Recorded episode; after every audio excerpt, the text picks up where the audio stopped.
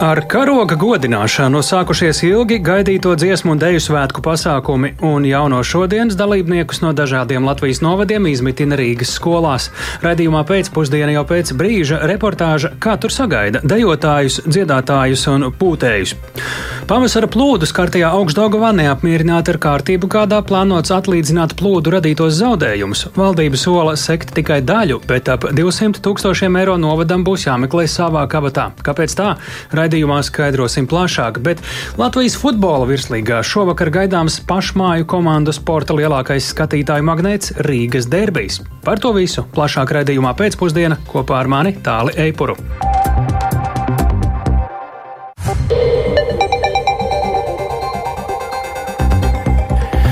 Pūkstens ir 16,5 minūtes, skan pēcpusdienas ziņu programma, skaidrojot šodienas svarīgus notikumus. Studijā tālāk Eipors. Labdien!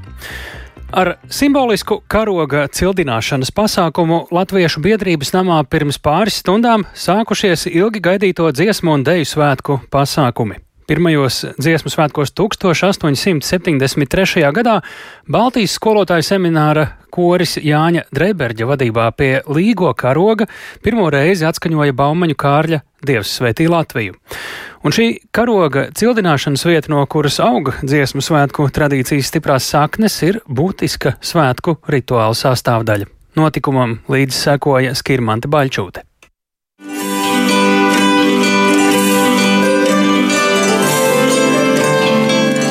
Kokļu mūzikas pavadībā zālē tika svinīgi ienesti karogi. Tie ir trīs - šo dziesmu un deju svētku karogs, tad vēsturiskais deju svētku karogs un, protams, līgo karogs. Tā nozīme akcentēja Rīgas Latviešu biedrības priekšsēdētājs Guntis Gailītis. Paldies mūsu Rīgas Latviešu biedrības dāmām, kurām nāca tā ideja pirms pirmajiem dziesmu svētkiem pasūtīt šo vienreizējo karogu Leipzigas lielākajā karogu manufaktūrā. Un tas tika tieši pirms 150 gadiem dāvināts Rīgas Latviešu biedrībai ar nosacījumu, ka karogam jāplīvo visos dziesmu svētkos nākošajos un ka viņam jāvieno latviešu tauta. Pirmajos dziesmu svētkos 1873. gadā pie Līgo karoga pirmo reizi atskaņoja Baumaņu Kārļa Dievs svētī Latviju.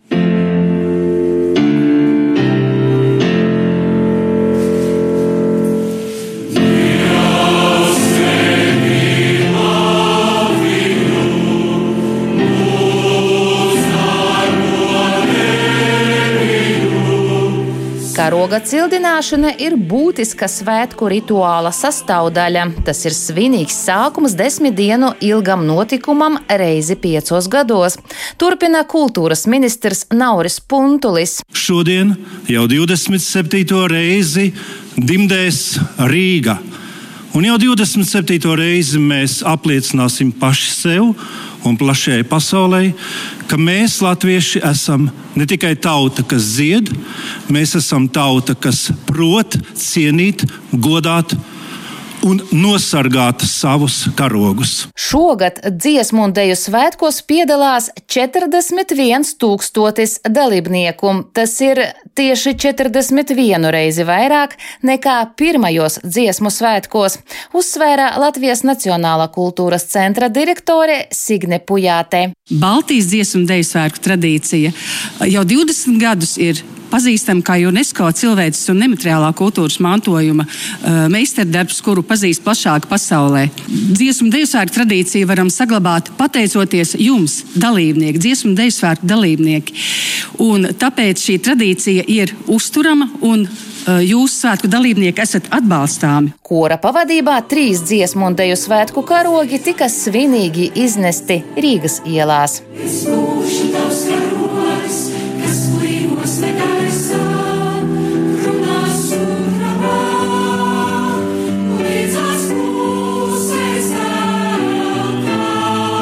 Skirmata Vaļķūte, Latvijas radio. Un turpinot par dziesmu un dēļu svētku tradīcijām, lai arī lielāko dalībnieku pieplūdumu galvaspilsētā varam gaidīt no svētdienas, kad notiks tradicionālais gājiens, ir tādi, kuri Rīgā ierodas jau šodien. Tas nozīmē, ka jau no šodienas dalībniekus izmitina dažādās Rīgas skolās. Viena no tām ir Rīgas valsts trešā ģimnāzija, kas jau tradicionāli katru dziesmu un dēļu svētku laikā pie sevis uzņem svētku dalībniekus no Madonas novada pašvaldības. Par to, kā gimnāzija sagaidīs dejotājus, dziedātājus, arī pūtējus, plašāk Agnijas Lāsdiņas reportāžā. Rīkojot svētkus, tie cilvēki parasti sadraudzējas. Tā par dziesmu un deju svētku dalībnieku uzņemšanu no Madonas novada pašvaldības izsakās Rīgas valsts trešās ģimnāzijas direktors Andris Priekulis. Es esmu Rīgas valsts trešā ģimnāzijā 23 gadus direktors, un te vienmēr dziesmu svētkos ir bijuši tikai dejotāji, dziedātāji, pūtēji no Madonas novada. Es zinu vēsturiski, par cik mans saimnieks ir jau 47 gadus strādājis. Viņš saka, arī viņš ir vienmēr pieņēmis Madonu. Mēs draudzējamies, tā ir tā realitāte. Un mums patīk tas. No Madonas novada svētkos piedalīsies 52 dažādi kolektīvi, kopumā 1085 dalībnieki, sākot no jauniešiem līdz pat senioriem. Dalībniekus izmitinās arī Rīgas 49. vidusskolā un Rīgas valsts 1. ģimnāzijā, taču Rīgas valsts 3. ģimnāzija ir kā galvenais centrs, kurā lielākoties mitināsies deju kolektīvi, pūtēju orķestris un koklētāji, kopumā 32 kolektīvi. Kā stāsta direktors, dalībnieku uzņemšana tradicionāli sākas ar tikšanos ar ugunsdzēsēju un glābšanas glābšanas dienestu speciālistiem, kas pārbauda skolu un tās iespējas izmitināt dalībniekus. Savukārt pēc tam jau iesaistās skolas tehniskie darbinieki, kas sagatavo klases telpas, tās uzkopjot un sakārtojot, lai tālāk skolu nodotu dziesmu un deju svētku Madonas noda pašvaldības darba grupai. Turpina priekulis. Grecinieki ielas republika ir arī Madonas eh, republika tajā laikā. Nu, mēs paši atbalstam, piepalīdzam tīrībai, piepalīdzam ja?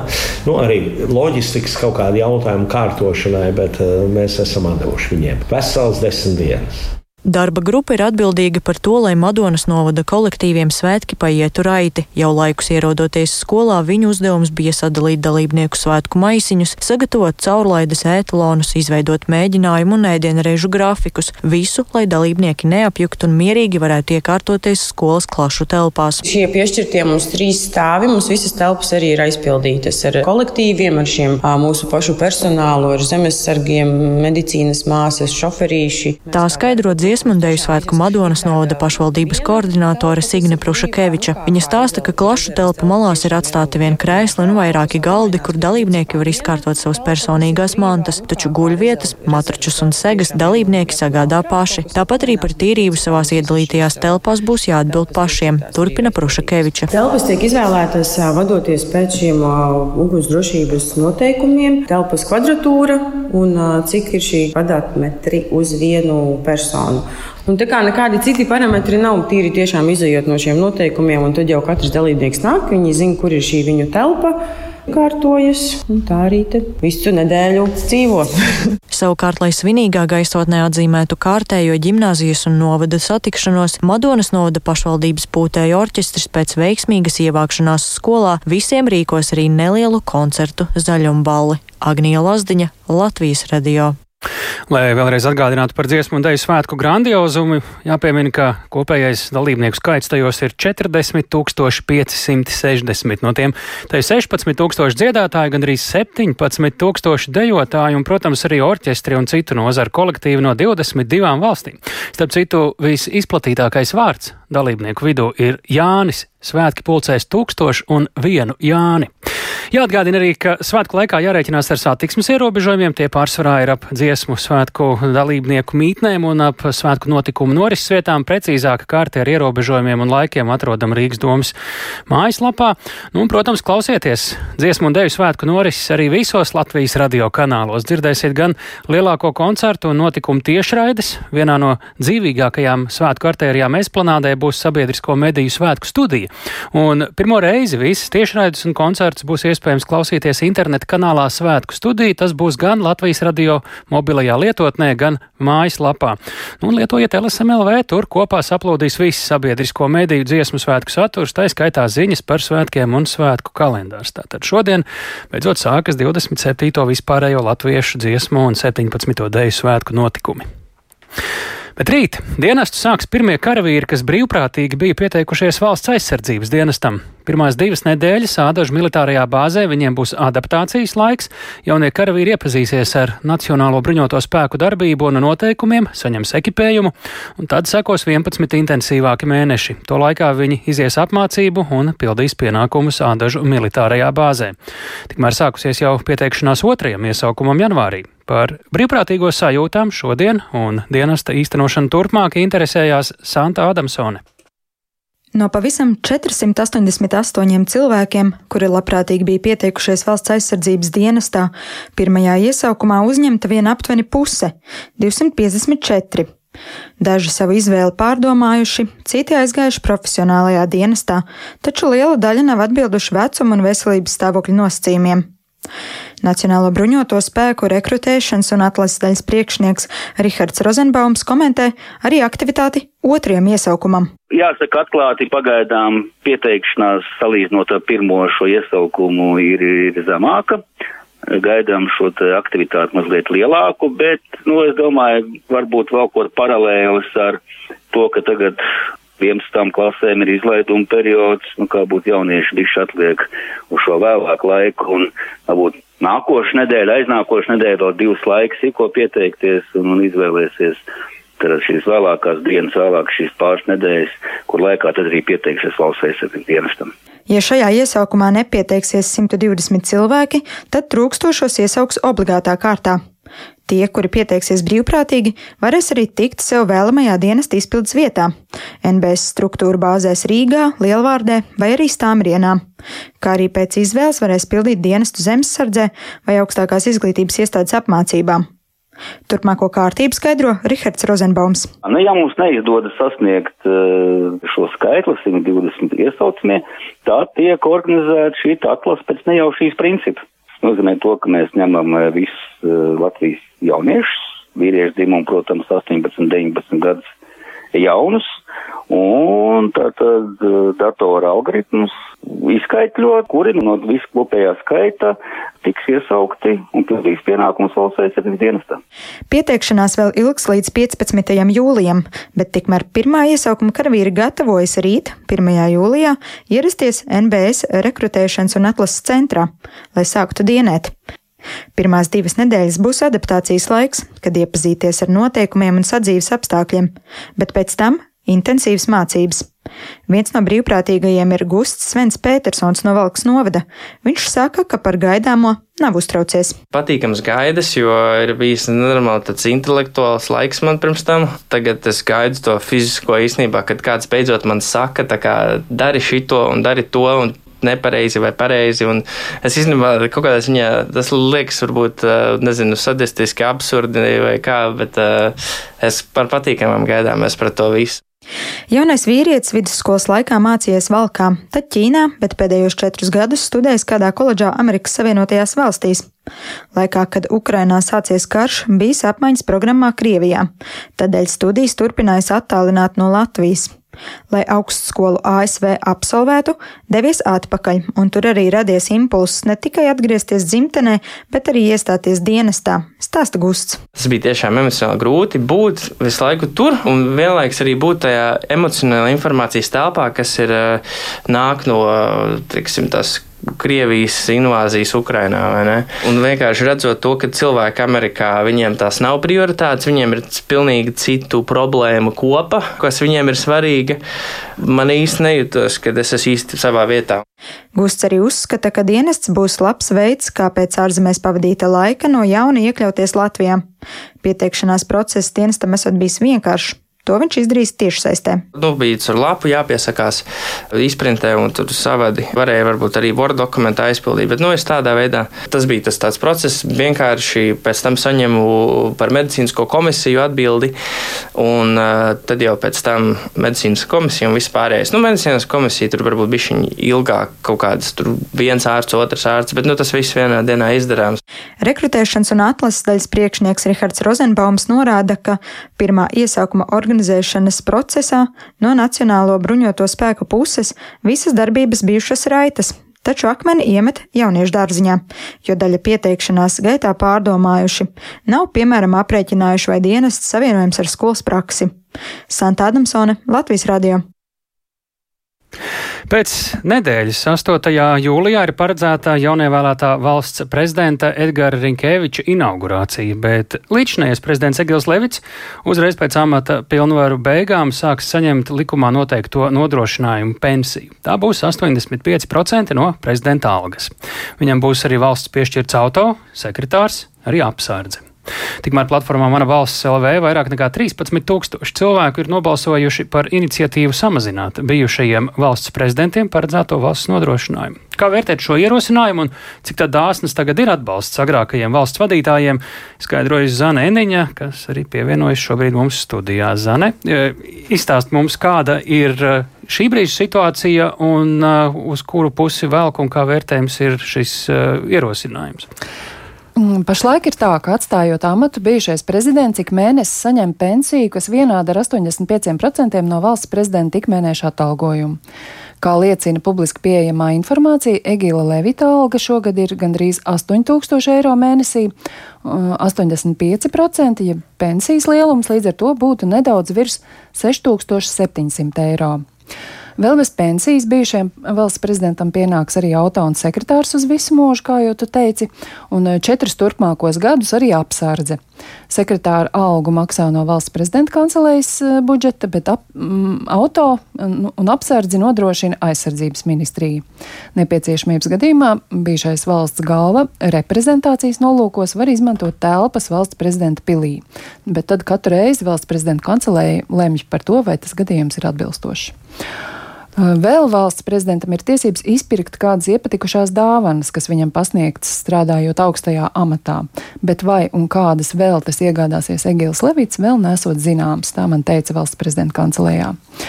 Un visu to likums garantē neatkarīgi no tā, vai un kādi ir bijušā valsts vadītāja ienākumi. Un jāteic, ka arī tad, ja valsts neko tādu nepiešķirtu, Egilam Levitam nebūtu jācieš trūkums. Eh, ieskatījos viņa amatpersonas ienākuma deklarācijā par pagājušo gadu. Eh, pašreizējiem prezidentam ir īpašumi, dzīvokļi Rīgā un Cēsīs, viņam pieder arī zeme Mārupē un Engurē. Viņam ir arī uzkrājumi un arī uh, pensija, ko viņš saņem kā bijušais Eiropas Savienības tiesas tiesnesis. Tās apmērs uh, pagājušā gadā kopumā ir bijis virs 190 tūkstošiem eiro, un, ja sadala pa mēnešiem, tad iznāk ap 16 tūkstošiem eiro mēnesī. Tikmēr platformā Mana balss LV par iniciatīvu izbeigt valsts prezidenta uzturēšanu par tautas naudu ir nobalsojuši jau stipri vairāk nekā desmit tūkstoši cilvēku, kas ir tas slieksnis, lai priekšlikums tiktu nodots izskatīšanai parlamentā. Ierosināts saglabāt samērīgas sociālās garantijas, un šis ierosinājums ir visai saprātīgs. Tā vērtē politologs Juris Rozenvalds. Paklausīsimies! Šī iniciatīva, kas ir iesniegta portālā Mana balss, jau neparedz pilnībā noņemt eh, nodrošinājumu. Runa ir par to, ka varbūt eh, ka jāpadara šo lietu saprātīgāku tādā ziņā, ka saglabājot pensiju un tādu stabilu nodrošinājumu tieši materiālo, tā pašā laikā nu, izvairīties tomēr no tādiem dāsnumu izpausmēm, jā, kā mašīnu uz visu, kas saka atlikušo mūžu, jā, sekretārs un tam līdzīgi, ko, manuprāt, ar tādām pietiekami lielām pensijām prezidents varētu nodrošināt sev pats. Politologs arī norāda, ka Latvijai vispār raksturīgi ar vērienu atvēlēt dažādus labumus un priekšrocības, nereti vēlāk atduroties pret secinājumu, ka to nemaz īsti nevar atļauties, jo dārgi. Turpina Juris Rozenvalds. Mēs esam bieži vien strateģiski nepārdomāti dāsni. Daudzos gadījumos, kur es gribētu teikt tā, ka mēs demonstrējam, ko tad mēs varam. Nu, piemēram, tas pats ir diskusijas bijušas par ļoti dāsnām prēmijām sportistiem, jā, kas ir tā pārsniegt bieži vien to, ko bagāts valsts var atļauties. Jā. Tā ir pašā laikā nepietiekam atbalstu sportam. Jā. Vai tas pats piemērs, par ko ir runāts daudz, jā, kā sākumā mēs nodemosim plašu sirdi un sākam mēs Ukraiņu bēgļus viesnīcās izmitināsim, pēc tam konstatējam, ka naudas tomēr nav Jāpiebilst, ka valsts prezidentiem garantēto labumu lokus jau ir sašaurināts. Proti, likums vairs neparedz bijušo valsts vadītāju nodrošināt ar dzīvokli. Šādi grozījumi likumā izdarīti jau pirms vairākiem gadiem, un tad arī tika palielināta prezidenta pensija no 50% līdz 85% no atalgojuma. Jā. Tik tālu tad par valsts prezidenta institūciju, kāda tā ir šobrīd un kas sagaida prezidentus pēc pensionēšanās, bet mēs pievēršamies nākamajam stāstam par paliem, kuri bija pavasarī. Kārtība, kādā tiek atlīdzināti pavasara plūdu zaudējumi, nav godīga. Tā uzskata plūdu skartajā augšdaugavas novadā, kur aprēķināti 757 tūkstoši eiro zaudējumi. Valdība no tiem sektu vien 500 tūkstoši, tas nozīmē, ka atlikušie apmēram 200 tūkstoši pašvaldībai jāatrod pašai. Silvijas smagars ieraksts. Te bija viss zemūdens. Tur bija viss zemūdens. Aplūdušie maļotku un ļubestas vasarnīcu kooperatīvi, gandrīz 30 ceļu posmi, vairākas cārtikas un tilts ir šī gada Dāgavas palu radītie bojājumi augšdāgavas novada pašvaldībā, kopumā septiņos pagastos. Tāda plūdi vienreiz desmit gados notiek. Nu, palu zaudējumi ir apkopoti, un to pašvaldība sāka darīt jau laicīgi stāsta novada domas tehniskais direktors Valērijas Ļaksa. Dažiem ceļiem vēl nebija nogājis ūdeni, mēs sākām gatavot tāmas apsakošanas aktus par apludušiem ceļiem, par bojājumiem. Aprēķinātā summa ir 757 tūkstoši eiro apmērā, un pašvaldība vērsusies pēc atbalsta valsts vides aizsardzības reģionālās attīstības ministrijā. Lai šos palu laikā radītos zaudējumus sektu, mums ir iesniegts lūgums un aprēķins. Pašvaldība ir prasījusi finansējumu To apliecina ministrijas valsts sekretāra vietniece reģionālās attīstības jomā Ilze Oša. Tikai kompensējumā summa būs par 30% mazāka. Mēs esam sagatavojuši dokumentu par 524 233 eiro pārskaitīšanu pašvaldībai šo pavasara palu laikā radīto postījumu novēršanai. Pārliecinoties arī, ka laika apstākļi un visi priekšnoteikumi, lai no līdzekļiem neparedzētiem gadījumiem šos izdevumus pieprasītu, ir bijuši un attiecīgi pašlaik ministru kabineta iesniedzamais dokuments ir saskaņošanā. Sagaidām, ka jūlija sākumā varams virzīs uz ministru kabinetu un ministru kabinets līdzīgi kā Jēkabīlī to atbalstīs. Atšķirībā no Jēkabils augšdagavas novadam būs jāiegulda savi budžeta līdzekļi šo plūdu seku likvidācijai, un tas nav īsti godīgi, uzsver augšdagavas novada domas izpildirektors Pēteris Dzelbe. Problēma augšdagavas novadam ir tas, ka Šie plūdu radītie zaudējumi nav ļoti lieli, lai mēs saņemtu 100% atbalstu, tāpēc no 700 rastīti pieteiktajiem tūkstošiem, ko mēs esam šobrīd pieteikuši kā kompensāciju, Pašvaldībai vajadzēs no rezerves fonda 210, 220 tūkstošus 30% līdzfinansējumu nodrošināt. Tas likums, kurš nosaka, ka kamēr nesasniedz 2% no budžeta zaudējumi, tikmēr ir jālīdzfinansē. Tas nav visai godīgi, jo ne jau mēs paši radām tos plūdus. Vēl svarīgāk veikt preventīvos pasākumus, lai pali neapdraudētu turpmāk. Jēkabils gadījumā ir paredzēti līdzekļi gan kompensācijām, gan arī šim mērķim, apliecina Varama investīcija politikas departamenta direktore Svetlana Sergejeva. Tas ir 12,6 miljoni apmērā. Tieši aizsargdāmbu pārbūvēji un daļas infrastruktūras izveidēji. Ir otrs pasākums no līdzekļiem no paredzētiem gadījumiem. Tas ir ap 900 tūkstoši eiro. Jekapils novada domē par um, pašvaldības plūdu cietošo īpašumu esošo infrastruktūru un objektu atjaunošanai. Tad 20. jūnijā ir piešķirta pirmā daļa. Augstdagavas gadījumā, lai uzsāktu palu seku likvidācijas darbus, paies laiks, kas nav izdevīgi pašvaldībai, saka Pēteris Dzalbe. Būs tā, ka mēs uzzināsim 11. jūlijā mūs atbalstīs vai neatbalstīs, tad mēs varēsim uzsākt iepirkuma procedūru, un tas nozīmē, ka ceļus mēs labākajā gadījumā sakārtosim oktobra mēnesī. Arī pretplūdu pasākumi te vēl neskaidrībā tīti. Lai nākotnē nebūtu radīti šie zaudējumi, kas ir, tad, protams, ka gribētos arī redzēt valsts atbalstu no pretplūdu pasākumiem, lai tās divas iniciatīvas, kuras mēs esam iesnieguši gan Ļubastas vasarnīcu kooperatīva aizsardzībai Līksnes pagastā, gan arī Maļutku dārzniecības kooperatīva Dambim uzbūvai, lai arī tās idejas tiktu atbalstītas no valdības puses. Mēs esam iesnieguši pieteikumus. Mēs vēl gaidām atbildi. Mums nav pateikts, būs, nebūs, pietiks, nepietiks nākošajā plānošanas periodā, aiznākošajā plānošanas periodā vai no kādiem citiem līdzekļiem. Arī varamā pagaidām uz šo jautājumu atbildes un komentāru vēl nav, tāpēc šobrīd tiek gaidīta vismaz kompensācija par šī gada palu radītajiem zaudējumiem. Silvijas Magre, Latvijas Rādio studijā Latgalē. Francijā nerimst īpaši plaši nemieri. Savukārt Rīgā šovakar pašmāju komandu sporta lielākais skatītāju magnēts Rīgas derbijs. Šie un citi stāsti raidījumā pēcpusdienā turpmākajās minūtēs.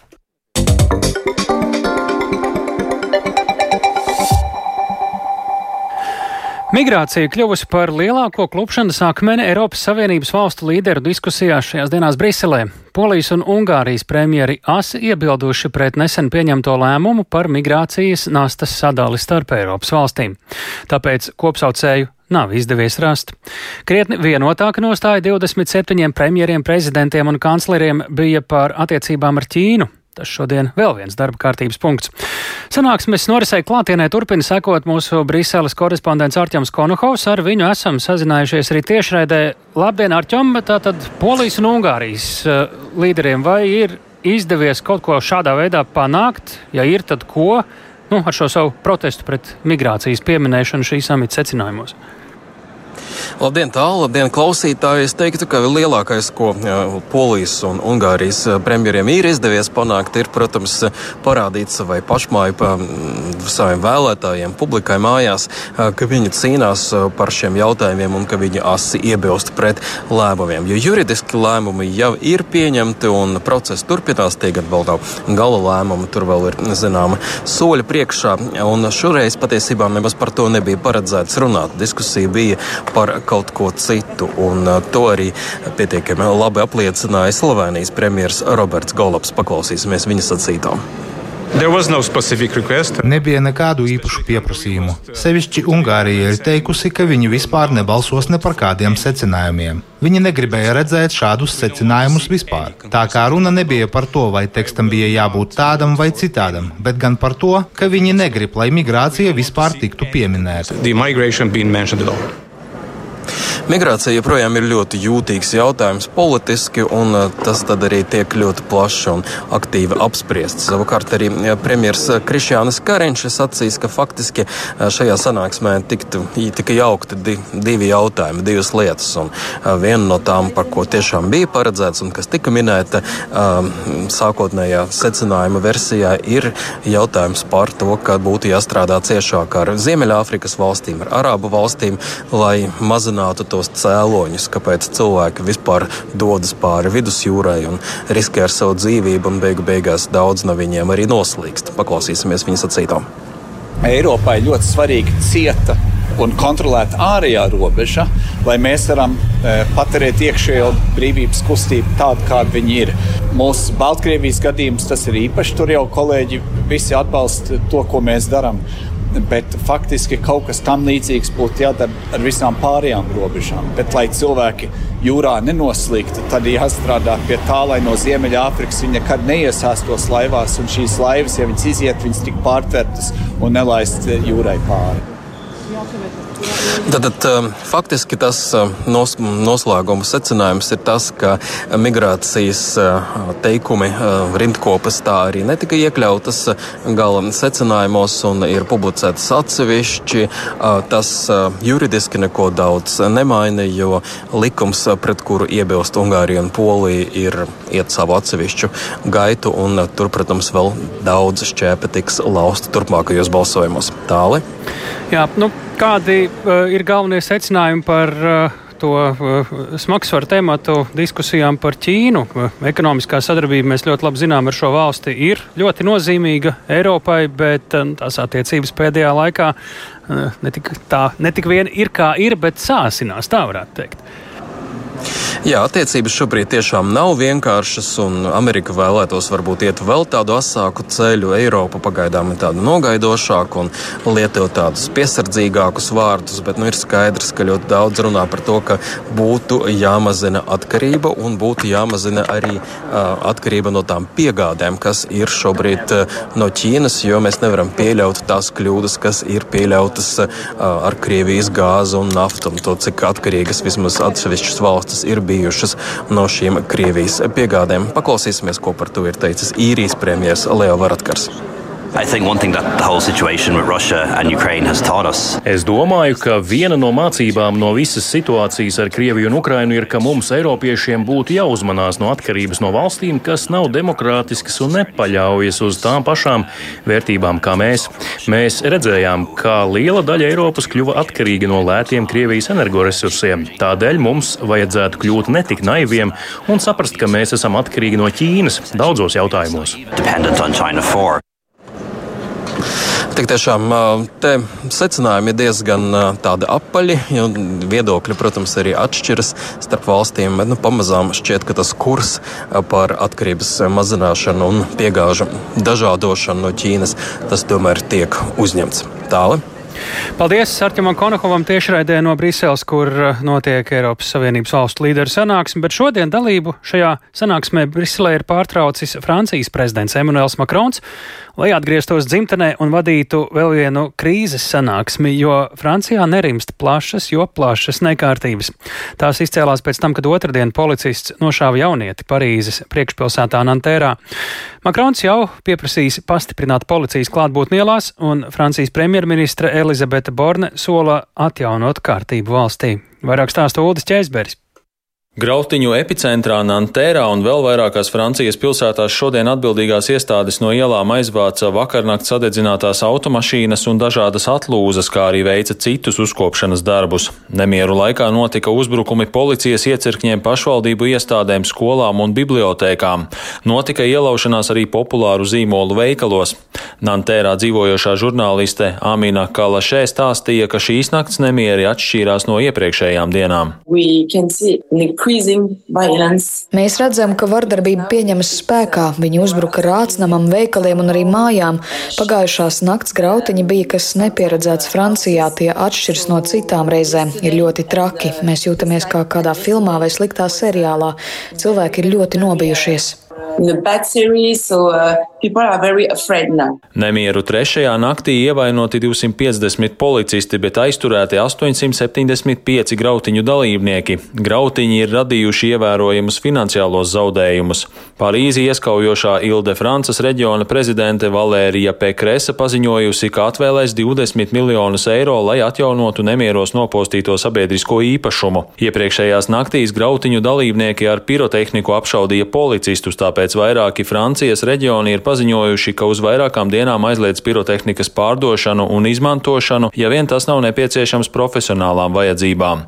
17 gadus veco jaunieti Nāhelu nošāva otrdien, kad viņš ar automašīnu mēģināja aizbēgt no policistiem, kuri viņu apturēja par ceļu satiksmes noteikumu pārkāpumu.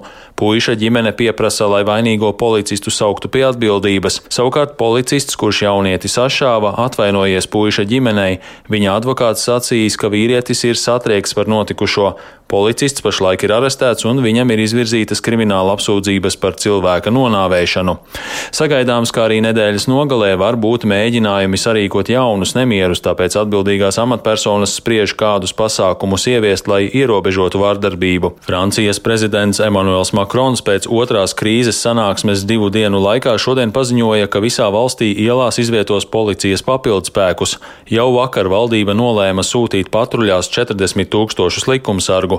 Makrons sacīja, ka vardarbīgi nemieri nav attaisnojami un aicināja arī vecākus nepieļaut savu bērnu dalību grautiņos.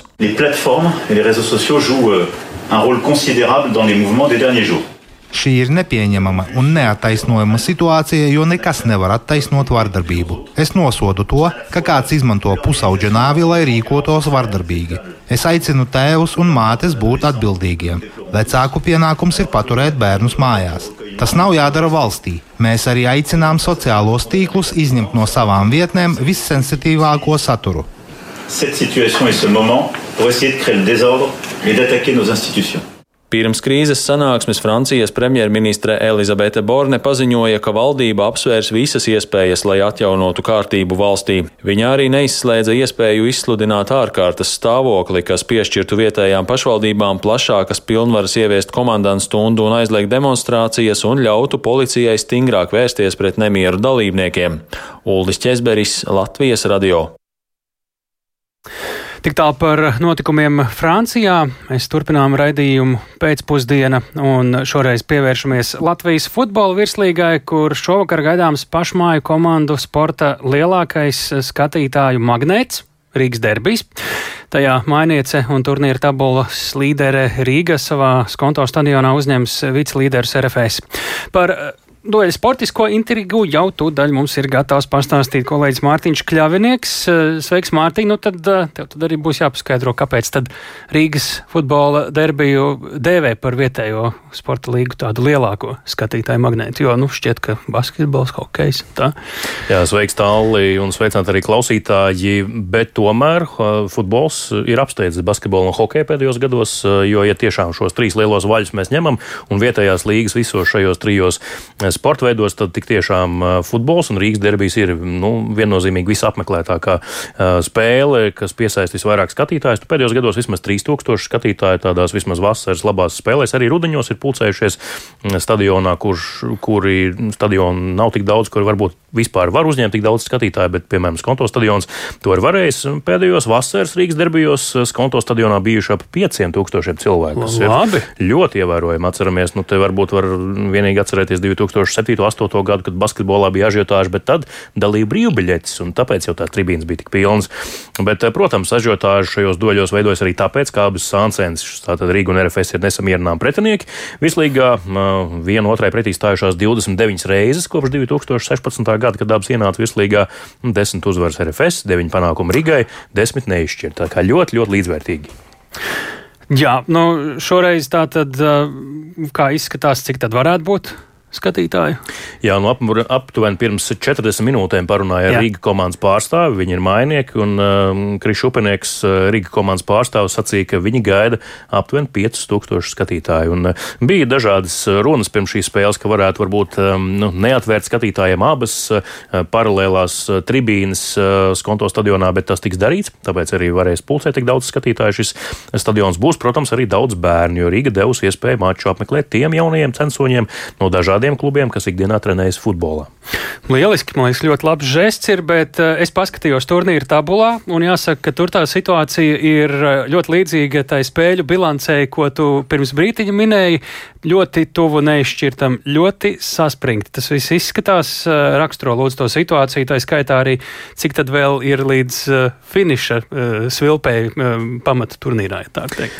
Čempionāts apmēram pusē, drusku pārkāpts ekvatoram, bet Aha.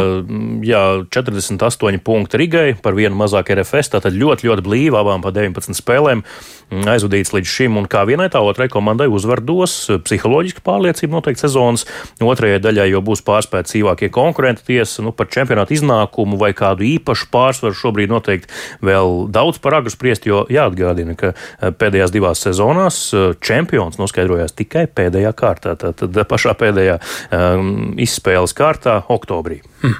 Bet, uh, nu, diemžēl, futbols uh, nekad nav par futbolu vien, dažreiz par laimi, dažreiz jāsaka, ir šis diemžēl, un vakar notika spēle starp diviem citiem klubiem Ķekavas Audu un Rīgas Metu, un cīņas beigās un karstumā vienas iesaistītās puses teiktā. Teiktajā ir fiksēts rasistisks izpausmes, vai šobrīd ir zināms, kas vairāk par šo gadījumu un ko tad plāno darīt, vai kā reaģēt, un vai vispār reaģēt arī oficiālā pusē, nu, futbola federācija droši vien vispirms. Jā, tas notika pašā spēles beigās, kompensācijas laikā. Tur um, sākumā Audis futbolists simulēja savainojumu, pēc tam aši piecēlās un sāks, uh, kad aši skriet un metas fani vienkārši bija ļoti neapmierināti un izskan. Tēlošana, respektīvi. Jā, jā, par tēlošanu svilpu un esot arī kaut kāds rasistisks žests veltīts uh, šī brazīliešu futbolistu virzienā. Sazinājos ar Latvijas Futbola Federācijas uh, disciplināru lietu komitejas uh, vadītāju šodien, Jevģi Jevģēņiju Tverjanoviču Bori, un lūk, ko viņas par šo situāciju sacīja. Šobrīd nevaru sniegt nekādu komentāru, diemžēl. jo šobrīd federācijas iekšienē tiek lēmts par lietu piekritību. Mums ir juridisko institūciju nolikums, un proti šeit ir jautājums, nu, ja mēs runājam par rasismu, tas uh, pilnīgi iespējams būs ētikas komitejas, nu, tā kā kompetencija izskatīt šo jautājumu. Bet vēl lēmums nav pieņemts, līdz ar to šobrīd uh, šis jautājums tiks izskatīts un uh, tuvākajā laikā arī futbola sabiedrībai tas kļūs zināms. Jā, tālāk Latvijas Futbola Federācijas disciplināra lietu komitejas vadītāja Jevģēņija Tverjanoviča Bora, bet, kā jau viņa sacīja, tad, nu, tas uh, tur joprojām tika vērtīts vai disciplināra lietu komitejas kompetence vai tomēr ētikas komitejas uh, kompetence, un uh, arī, nu, burtiski dažas minūtes pirms ētera vēl biju aktīvā saziņā ar mm, Tverjanoviču Bori, un viņa pēdējā ziņa, ko viņa man atsūtīja, ir tāda, ka, um, proti, pats svarīgākais esot tas, ka lieta Futbola Federācijā jau ir uzsākta, tātad atvērta. Šobrīd notiek pierādījumu vākšanas process, tiesnešu protokolus caurskatīšana, delegāta ziņojuma caurskata, tiks pieprasīta tiesnešu un klubu paskaidrojumu, spēles video ieraksts. Nu, tālāk tiks izvērtēts jautājums, kurai Futbola federācijas juridiskajai institūcijai tad saskaņā ar juridisko institūciju nolikumā noteikto kompetenci arī tiks novirzīta nu, šī lieta. Jā. jā, bet nu, nopietns jautājums, jo tomēr rasisms nav tolerējams, un ja tiešām kaut kas tāds bija, tad uh, tur ir jābūt adekvātam sodam. Ir bijuši līdzīgi precedenti pietiekami skaļi, vai tagad uzreiz nenāk atmiņā? Tā uzreiz Latvijā. man galvā nenāk. Nē, Latvijas čempionātā nu, varbūt ir kaut kas bijis, bet ātri noklusis un varbūt nepierādīts, neizskatīts. Bet eh, te arī viena puse saka, ka bija, otra saka, ka nebija. Audis galvenais treneris saka, ka bija futbolists, viņam teica, ka bija. Video bija? Mm, video mm, vismaz tīmeklī nav pieejams, mm, un tagad Futbola federācija meklē šīs spēles. Video ierakstu abas komandas arī filmē spēli ar savām kamerām. Tā kā, tā kā. tur visam būtu jābūt uh, fiksētam. Bet uh, savukārt metas komandas galvenais treneris Andris Rihards teica, ka viņa, viņa komandas fani neko tādu nav darījuši. Paldies Mārtiņam Kļavniekam. Ļoti svarīgs precedents, eh, pēc kura pēc tam tiks skatīts uz priekšu, kā reaģēt šādās situācijās. 16, 45 minūtes, eh, ja klausāties mūsu lietotnē, mobilajā, eh, sav, sev izdevīgā laikā, tad noteikti pulkstenis rāda kaut ko citu. Bet šis bija raidījums pēcpusdien, to veidoja Tāls Eipurs, Ilza Agīnta, arī Uldis Grimbergs un Kristaps Ruņģis. Mēs tiekamies jau nākamnedēļ raidījumā pēcpusdiena pēc ziņām 4 un 5 pirmdien.